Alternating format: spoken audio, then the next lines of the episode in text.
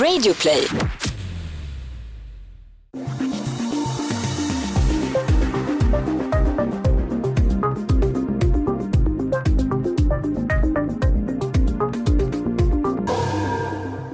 Hösten 2011 kontaktar en ung kvinna polisen i Östersund.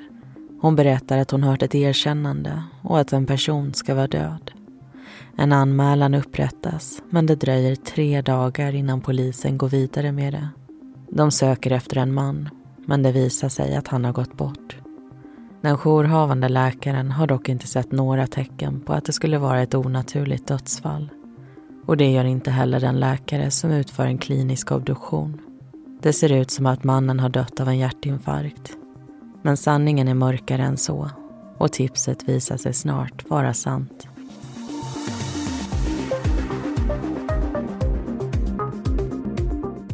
Du lyssnar på Mordpodden, en podcast om den mörka verkligheten. I veckans avsnitt ska du få höra berättelsen om hyresvärdsmordet.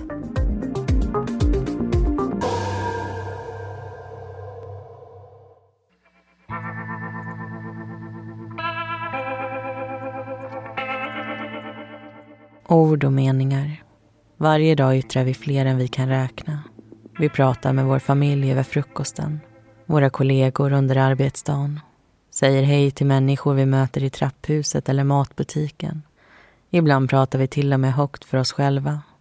Mycket av det vi säger är ganska meningslöst. Vi pratar om vädret, vad som är på tv och vad vi skulle göra om vi vann på Lotto.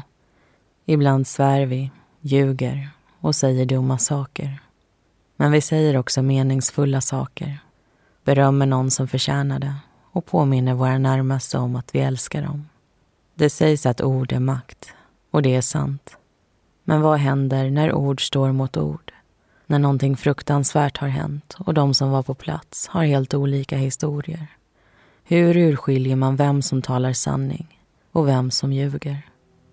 Året är 2011 månaden september och vi befinner oss i Jämtland. I utkanten av Östersund och i närheten av Storsjön står ett rött och stiligt hus. För ett antal år sedan var det en laggård men efter en hel del renovering är det idag ett boningshus. Fönsterkarmarna är vitmålade och på taket sticker två skorstenar upp.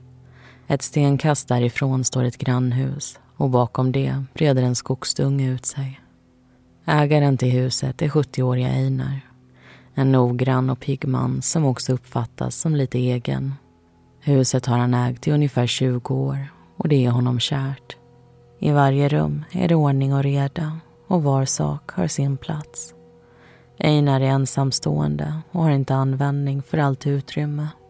Därför är bostaden uppdelad i två lägenheter. Övervåningen nyttjar han själv medan delar av undervåningen hyrs ut. För tillfället bor det en barnfamilj där. Ett yngre par i 20-årsåldern och deras bebis. Det är kväll och utanför fönstren står solen lågt på himlen. Det har varit varmt under dagen och termometern har visat upp till 15 grader trots att oktober ligger runt hörnet. Medan temperaturen sjunker kör en blå Volvo in på gårdsplanen. Ur kliver en av Einars äldsta vänner. En man han har känt sedan barnsben och umgås med ofta. Einar ber vännen om hjälp och tillsammans drar de lakan, fixar med kylskåpet och städar. När klockan är sju sätter de sig framför tvn och tittar på ett frågesportsprogram. Sen flyttar de sig till köket för en kvällsfika som består av te och tekakor. Strax efter nio åker vännen hem till sitt. Ännu en dag tycks ha fått ett avslut och snart väntar sängen. Samma kväll, på en annan ort, har 20-åriga Lisa precis fått sällskap av sin mamma. De ska ha filmkväll ihop, men först vill Lisa berätta något. Innan mamman dök upp hade hon fått ett konstigt samtal av sin expojkvän. Han hade sagt att han skulle göra någonting dumt och behövde ett alibi. Lisa ville inte bli involverad och sa nej. Men efteråt kunde hon inte släppa tanken på vad det där dumma var. Hon och mamman pratar om det och kommer fram till att inget kan göras eftersom de inget egentligen vet. Innan filmen börjar rulla dyker Lisas sambo upp och snart får de också sällskap av några vänner. Torsdagskvällen passerar och när mamman är på väg därifrån ringer det i Lisas mobil. Klockan är strax efter tio på kvällen och hon går undan och svarar. När hon kommer tillbaka är hon alldeles blek i ansiktet. Mamman undrar hur det är med henne, men Lisa viftar bort det. När hon gett sig av frågar sambon detsamma. Han ser hur rädd och skärrad Lisa är. Blicken är fäst någonstans framför henne och till en början kommer inga ord ut. Men så förklarar hon att det var expojkvännen som ringde. Att han sagt att han tänkte slå ihjäl någon men istället ströp personen med sina egna händer. Lisa säger också att han ringt till henne tidigare. Även om det bara är några ord som har yttrats är Lisa säker på att det finns en sanning bakom dem.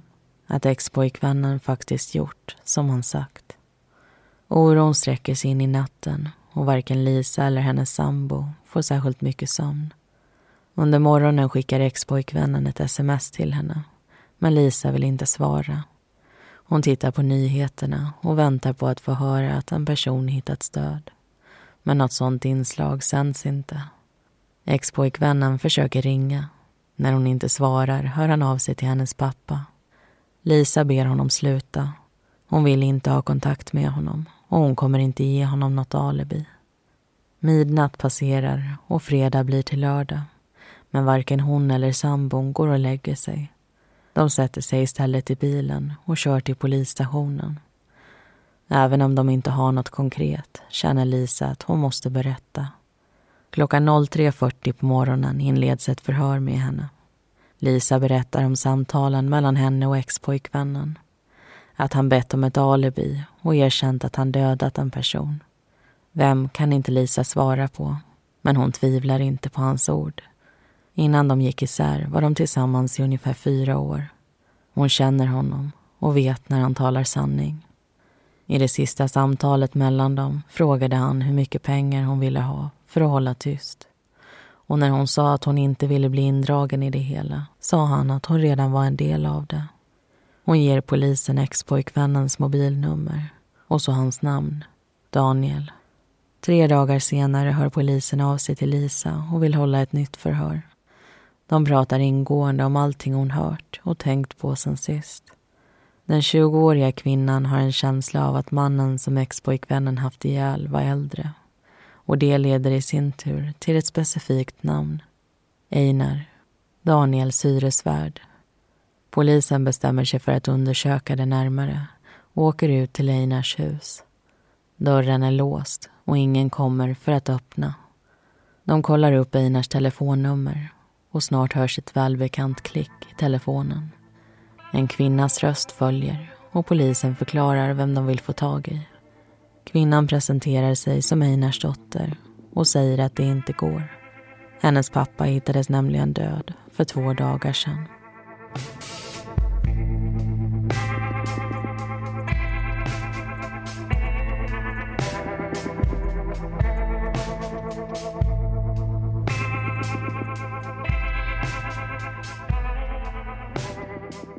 Då får vi hälsa er välkomna till vårt andra jämtländska mordfall för den här säsongen.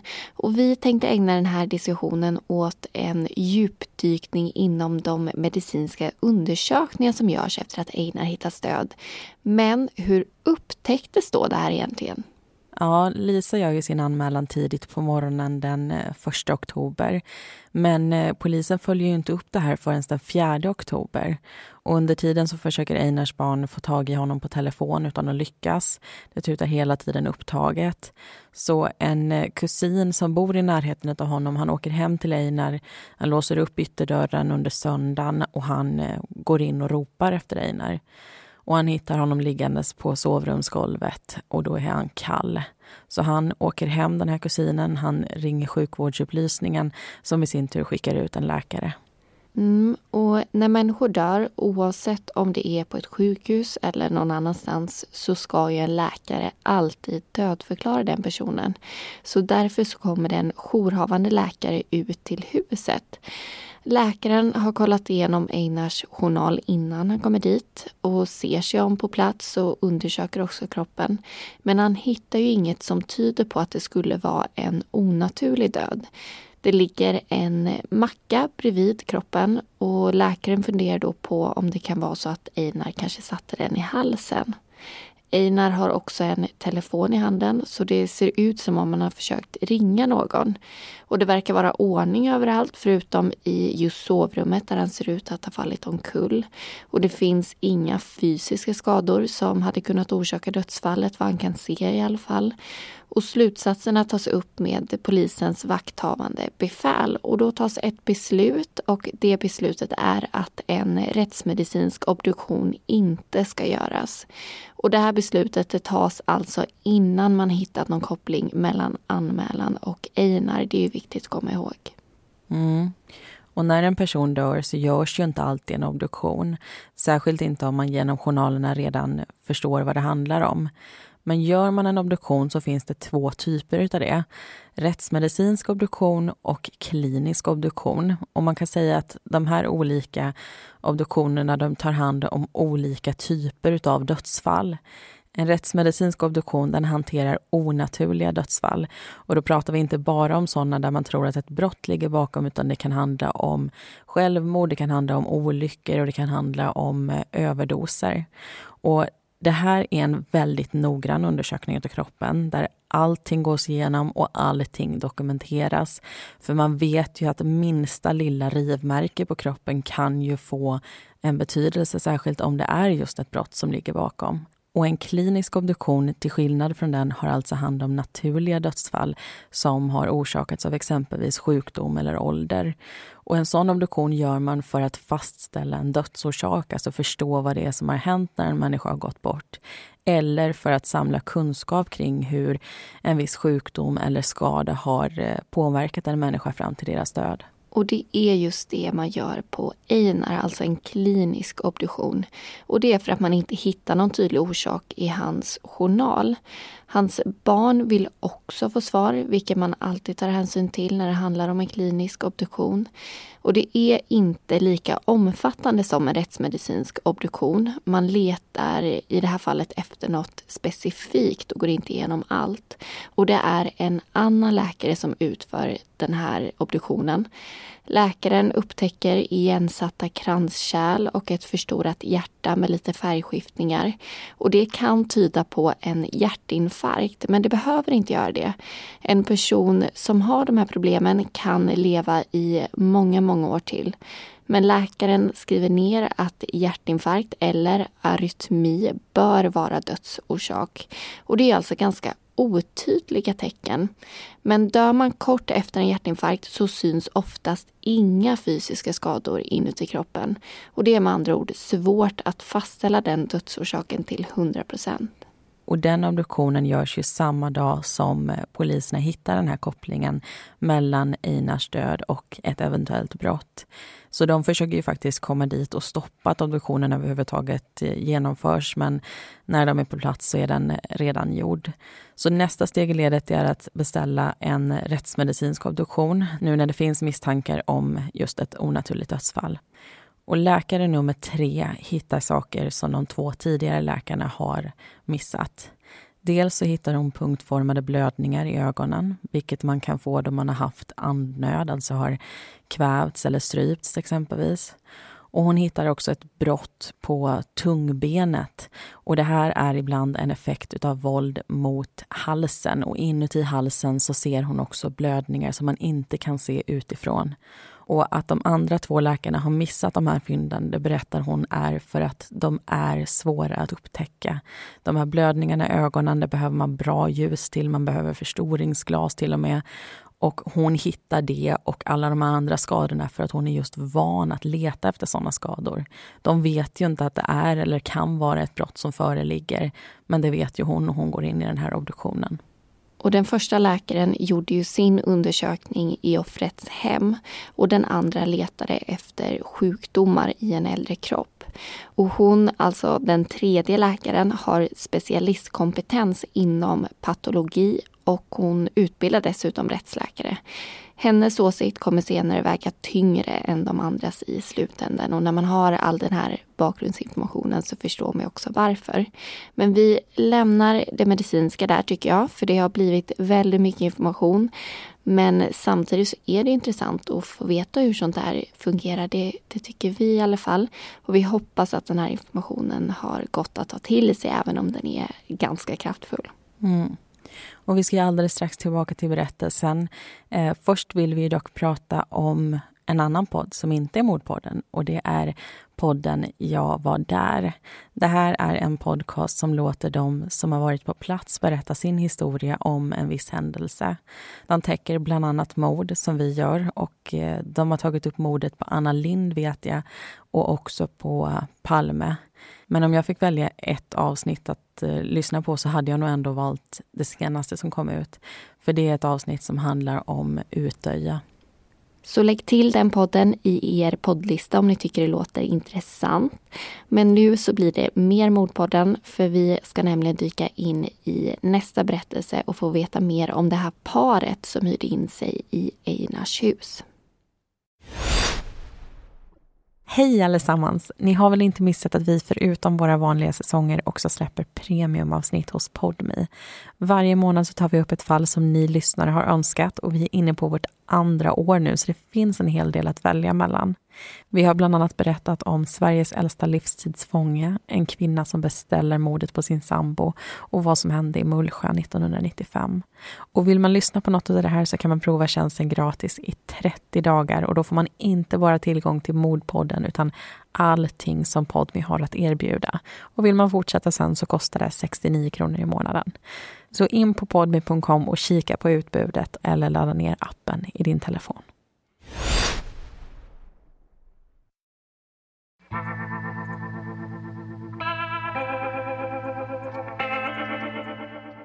2011 är ett händelserikt år för 21-åriga Daniel och hans flickvän Therese.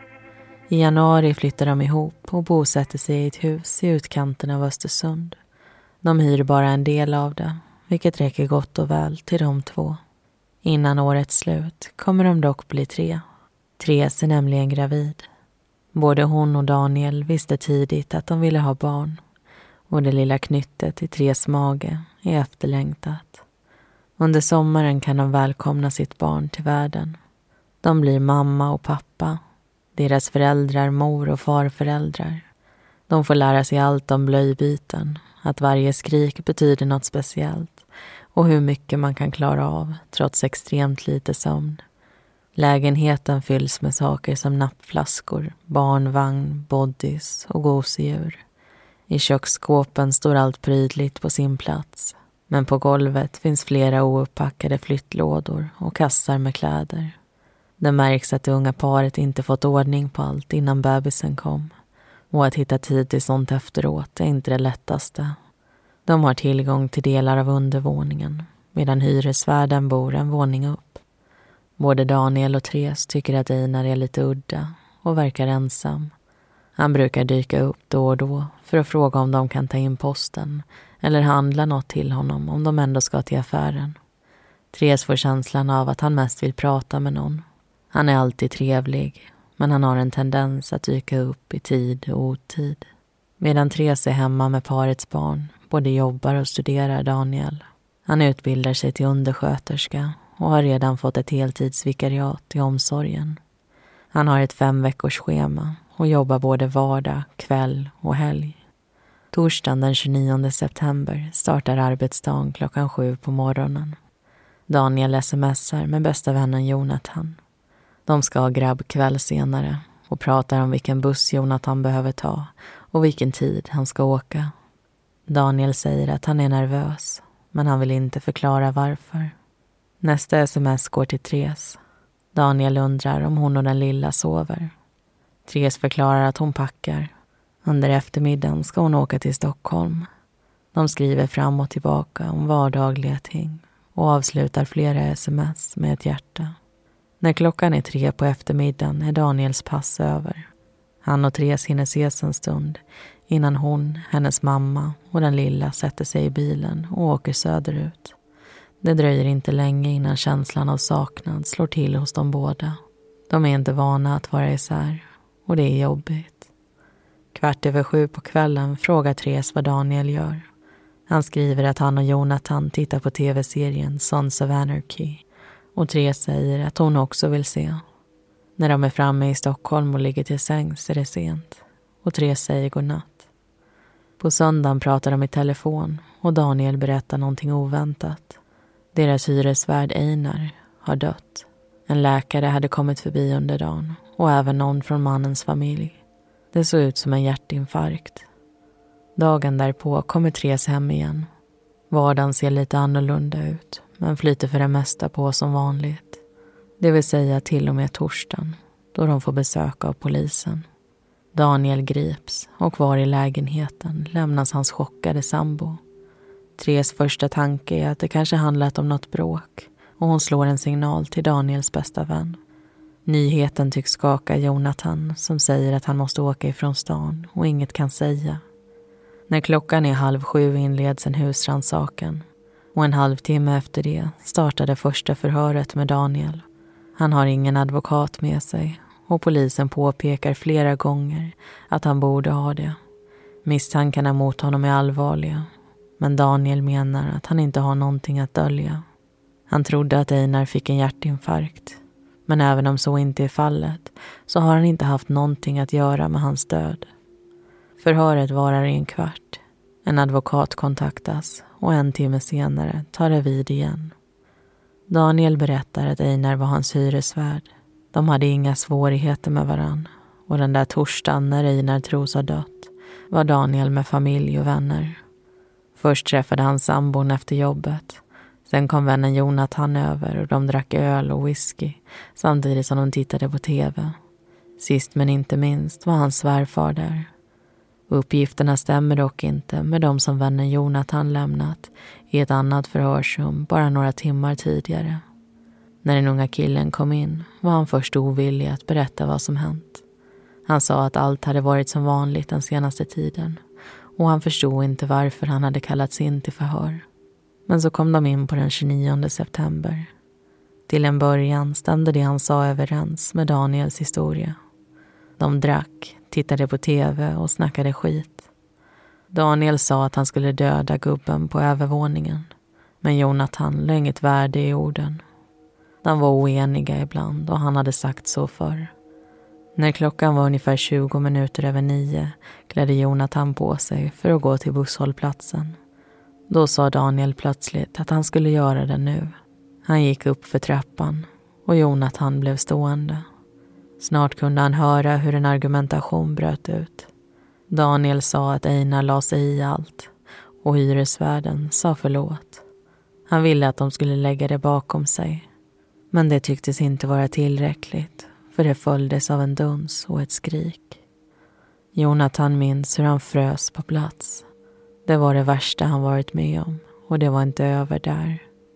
När det blev tyst ropade Daniel på honom och han gick upp för att se vad som hänt. När Jonathan klev in i köket såg han den 70-åriga mannen som låg stilla på golvet. Han frågade om han var död och svaret blev stendöd. Daniel tycktes ha en plan och bad honom om hjälp med att flytta kroppen. Men Jonathan varken ville eller kunde. Daniel sa åt honom att skärpa sig, men det gick inte. Han gick ner för trappan och sen upp igen. Daniel hade då lyckats ta sig till logen. När Jonathan kom dit såg han hur vännen höll på att göra en snara och lägga om den äldre mannens hals. Repet var blått och den ena änden kastad över en av takbjälkarna. Daniel ville få det att se ut som ett självmord men lyckades inte hissa upp kroppen själv. Jonathan gick ner och upp för trapporna ännu en gång. Daniel var nu inne i Einars sovrum. Han såg en omkullvält lampa och en telefon som lades vid mannens ena hand. Hela händelseförloppet tog inte mer än 10-15 minuter. Sen dök Daniels svärfar upp och Jonathan fick skjuts hem. För polisen berättar svärfaren att han slutade jobba klockan nio den kvällen och skulle sova över hos Daniel men när han nästan var framme ringde Daniel och bad honom köpa pizza. Han vände precis vid infarten till huset och var tillbaka strax efter klockan tio på kvällen. Jonathan hade missat sin buss och Daniel undrade om han kunde köra hem honom. Svärfarn var där i max en minut. Sen satt han i bilen igen. När han kom tillbaka var klockan runt elva och han gick direkt in och la sig. Misstankarna mot Daniel stärks istället för att avta. Det alibi han angett håller inte. Och nu är det två vittnesmål som pekar ut honom som gärningsperson.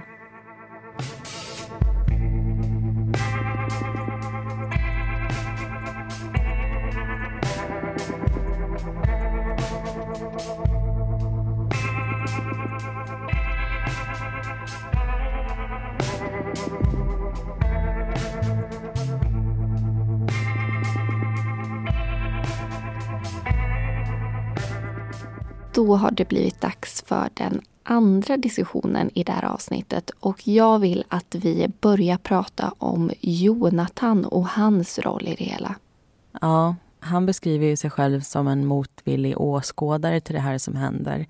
Eh, han vill inte ha någonting mer att göra men han dras in eftersom Daniel just väljer att utföra det här dådet och ge sig på Einar när han är i bostaden.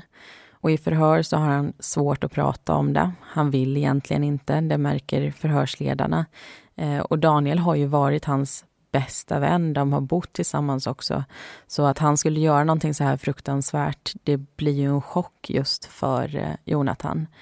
Och han är också arg på Daniel, han är ledsen på grund av allt det här som har hänt och han är också arg på sig själv. Han säger i ett av förhören att han tycker att han var feg som inte gjorde någonting när han hörde de här skriken från övervåningen och han hörde den här dunsen.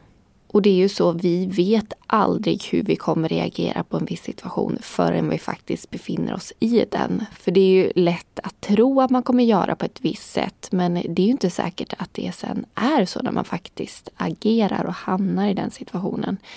Och man får inte glömma alla känslor som också spelar in. Rädsla, det kan ju till exempel yttra sig på många sätt. Man kan frysa så som Jonathan beskriver att han gjorde. Man kan delta och hjälpa till just för att man kanske är rädd för vad som ska hända om man inte gör det. Men man kan även bli apatisk av rädsla eller utåtagerande och slåss eller helt enkelt springa därifrån. Och Jonathan, på honom verkar det som att han hade velat göra något men där och då så blir det helt enkelt inte så.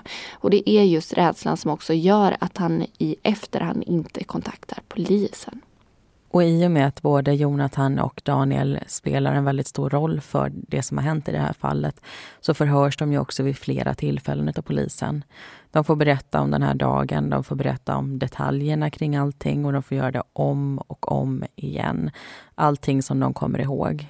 Och det tillsammans med andra förhör, tillsammans med tekniska undersökningar, det leder ju till slut till ett åtal. Och då är det Daniel som åtalas för mord. Och i huvudförhandlingen då väljer han att ändra sin historia.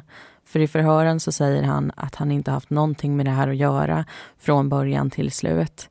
Men i huvudförhandlingen så säger han att det är så som Jonathan har beskrivit det, men med en väldigt stor skillnad. Jonathan är gärningspersonen och han är den som tittar på. Och med det här så kommer vi också in lite på det här avsnittets eh, tema, om man kan kalla det så. Alltså när ord står mot ord. Hur kommer man fram till vem det är som talar sanning? Hur kommer man fram till vem det är som ljuger? Ja, det är ju en tings eller hovrätts jobb att besluta vem som är trovärdig och vem som inte är det. Åklagaren lägger fram sitt argument och advokaterna och den tilltalade sitt. Och när allt är sagt så görs en utvärdering av det som har kommit fram och då tar såklart allt med i beräkningarna. Inte bara trovärdigheten, men det är just det som vi tänkte fokusera på nu. Några av de saker man tittar på det är om personen har varit konsekventa i sitt berättande. Alltså har de sagt samma sak från början till slut. Om de har ändrat sig, vad kan det i så fall bero på? Och det är ju inte ovanligt att människor ljuger i början och sen bestämmer sig för att tala sanning. Men det kan också vara precis tvärtom, att man kommer fram till en efterhandskonstruktion. Mm. En annan sak som man brukar se till det är ju hur eh, de här människorna har betett sig, hur de har mått efter det som har hänt. Någonting som man ofta kan eh, få en del insikt i genom att prata med vänner och familj. Man kan ju vara ledsen dock, man kan vara ångerfull oavsett om man har varit aktiv i någonting eller om man inte har varit det. En tredje sak man tittar på det är omständigheterna. Man tittar på motiv till det som har skett och vem av dem som också passar in på det bäst. Sen har vi också detaljerna, alltså hur vi berättar om någonting kan ofta avslöja om det är en lögn eller om det är en sanning. Eh, någonting som vi hittar på kanske inte blir så detaljerat som det är när vi faktiskt har upplevt det i verkligheten. Det kan också vara svårt att komma ihåg från gång till gång eftersom det inte är baserat eller fäst vid ett faktiskt minne. Men man kan också berätta för detaljerat, så det, det är verkligen en balansgång mellan alla de här olika sakerna. Och det finns såklart mer som domarna tittar på, men det här är alltså några av sakerna som kan peka på att ett vittnesmål är mer eller mindre trovärdigt. Och ofta är det ju när man lägger ihop allt det här och kollar också på den tekniska bevisningen som man ser ett samband och man kanske kan fatta det här beslutet. Och hur tingsrätten tänker kring Jonathan och Daniels vittnesmål kommer vi få höra i den tredje och sista berättelsen. Men innan vi går tillbaka ska vi ta upp en annan sak med det här fallet och det är antalet offer. Einar är ju den enda som dör men jag kan samtidigt inte släppa hur många som faktiskt drabbas av det som händer. Therese hon är nybliven mamma. Hon älskar sin sambo, sitt barn, deras tillvaro och sen släpps en sån här bomb ner i vardagen om man kan kalla det för det. Och det är ju så svårt att föreställa sig hur fruktansvärt det måste ha varit att inte ha något med mordet att göra och ändå drabbas så hårt. Och detsamma kan man ju egentligen säga för flera av de andra som blir indragna i det här. Du har ju Einars barn, du har familjerna till Tres, till Daniel, du har Daniels ex-flickvän. Så det är ju många fler än man kanske kan tänka sig som blir eh, offer i och med den här händelsen. Och att sitta i polisförhör, att senare lämna vittnesmål i en huvudförhandling, det är ju bra för att man ska komma fram till sanningen, för att rätt person ska straffas för det de har gjort. Men det är ju också väldigt psykiskt påfrestande för vissa människor att berätta om en händelse om och om igen, att hålla på och nöta på någonting som man kanske helst av allt bara vill lägga bakom sig och vill glömma bort. Och där tycker jag det är dags att runda av. Jag hoppas ni tar med er era tankar och funderingar kring det här in i den sista berättelsen där vi ska få ett avslut på hyresvärdsmordet.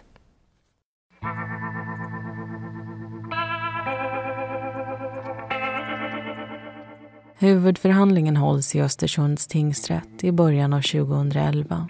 Åklagaren menar att Daniel har gjort sig skyldig till mord och yrkar på 14 års fängelse. I sakframställan berättar åklagaren hur det hela ska gå till. En teori som till viss del bygger på vittnesmål och till viss del bevisning. Samma dag som Daniel greps gjordes en husrannsakan i hans och Tres bostad. Flera mobiltelefoner togs i beslag och kunde efteråt tömmas på data. Telefonlistor och sms-konversationer läggs fram som skriftlig bevisning. Genom dem kan domare och nämndemän se hur Daniel planerade någonting särskilt inför kvällen men inte ville säga exakt vad förrän Jonathan var där. Listorna visar också på Daniels kontakt med exflickvännen Lisa. Klockan 18.52 på torsdagskvällen bad han henne om ett alibi och klockan 22.11 ringde han och erkände vad han gjort. I smsen däremellan bad Lisa honom att tänka efter innan han gjorde någonting som han skulle ångra. Att ta sitt förnuft till fånga. Men han sa åt henne att inte oroa sig. Dagen efter husrannsakan gjordes en brottsplatsundersökning. Protokollet för det lämnas över, likt ett kvitto som visar på ett inköp av ett blått rep. I protokollet finns bilder inifrån Einars hus. Han bodde på övervåningen och det var också där logen stod. Ett utrymme som han använde som förråd. På en av takbjälkarna syns märken efter något smalt. Åklagaren förklarar att det var här det där blåa repet kom till användning. Fibrer av det hittades vid undersökningen och kunde senare matchas mot fibrer på Einars byxor. När den planen inte gick att genomföra flyttades kroppen in i sovrummet där Daniel försökte få det att se ut som att Einar dött av en hjärtinfarkt. Något han nästan lyckades med. De tre läkarnas utlåtanden tas upp. Två som lett till fel slutsats och ett som bevisar att Einar utsattes för strypvåld vilket åklagaren i sin tur menar lett till hans död. Lägger man ihop det med erkännandet från exflickvännen så pekar det mot att mordvapnet är Daniels händer.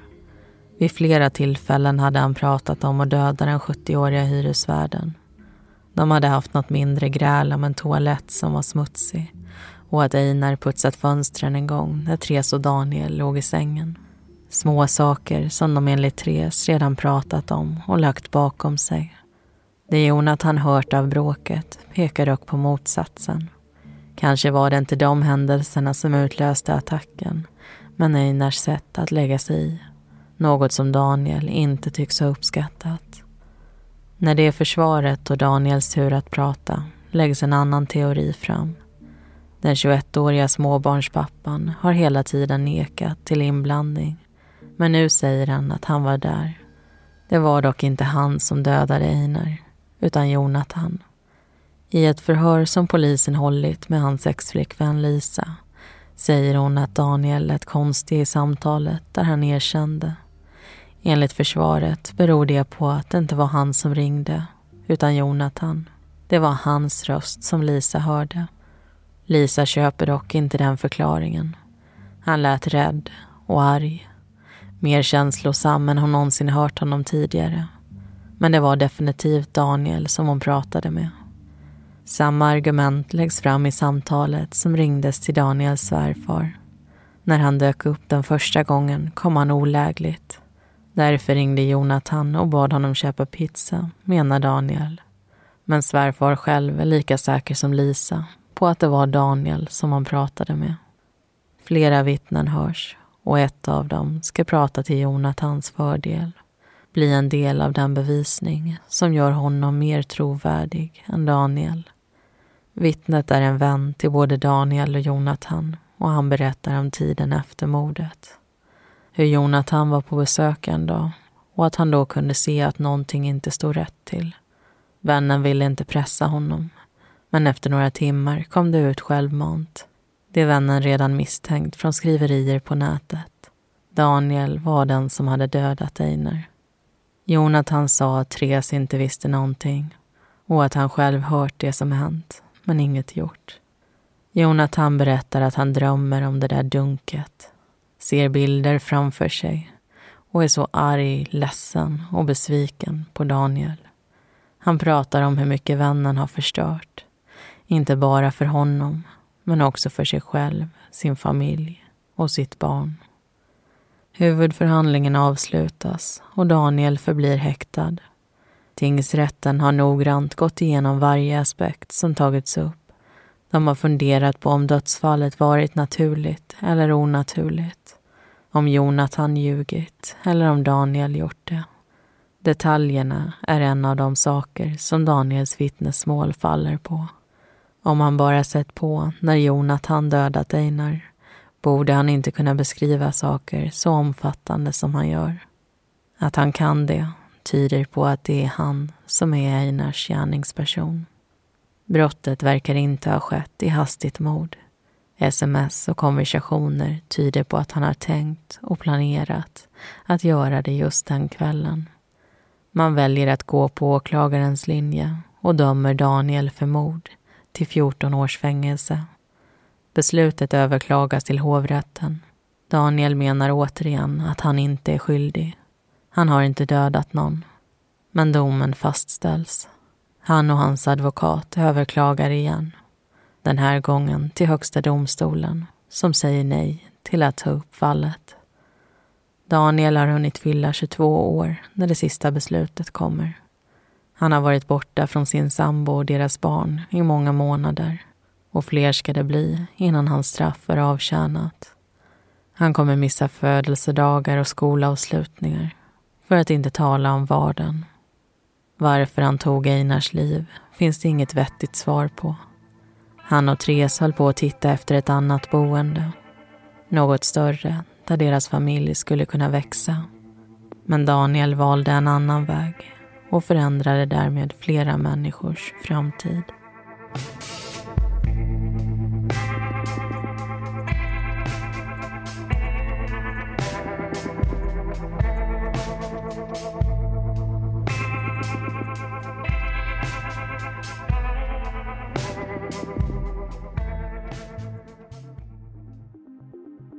Tack så mycket för att du har lyssnat på det här avsnittet.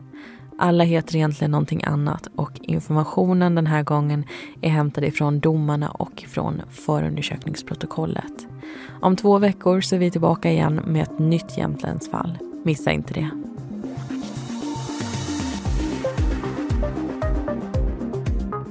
Vi som gör Mordpodden heter Linnea Bolin och Amanda Karlsson. Bakgrundsmusiken består av låtarna Lasting Hope, Lightless Dawn och Soaring av Kevin MacLeod samt Deep Space av Audionautics.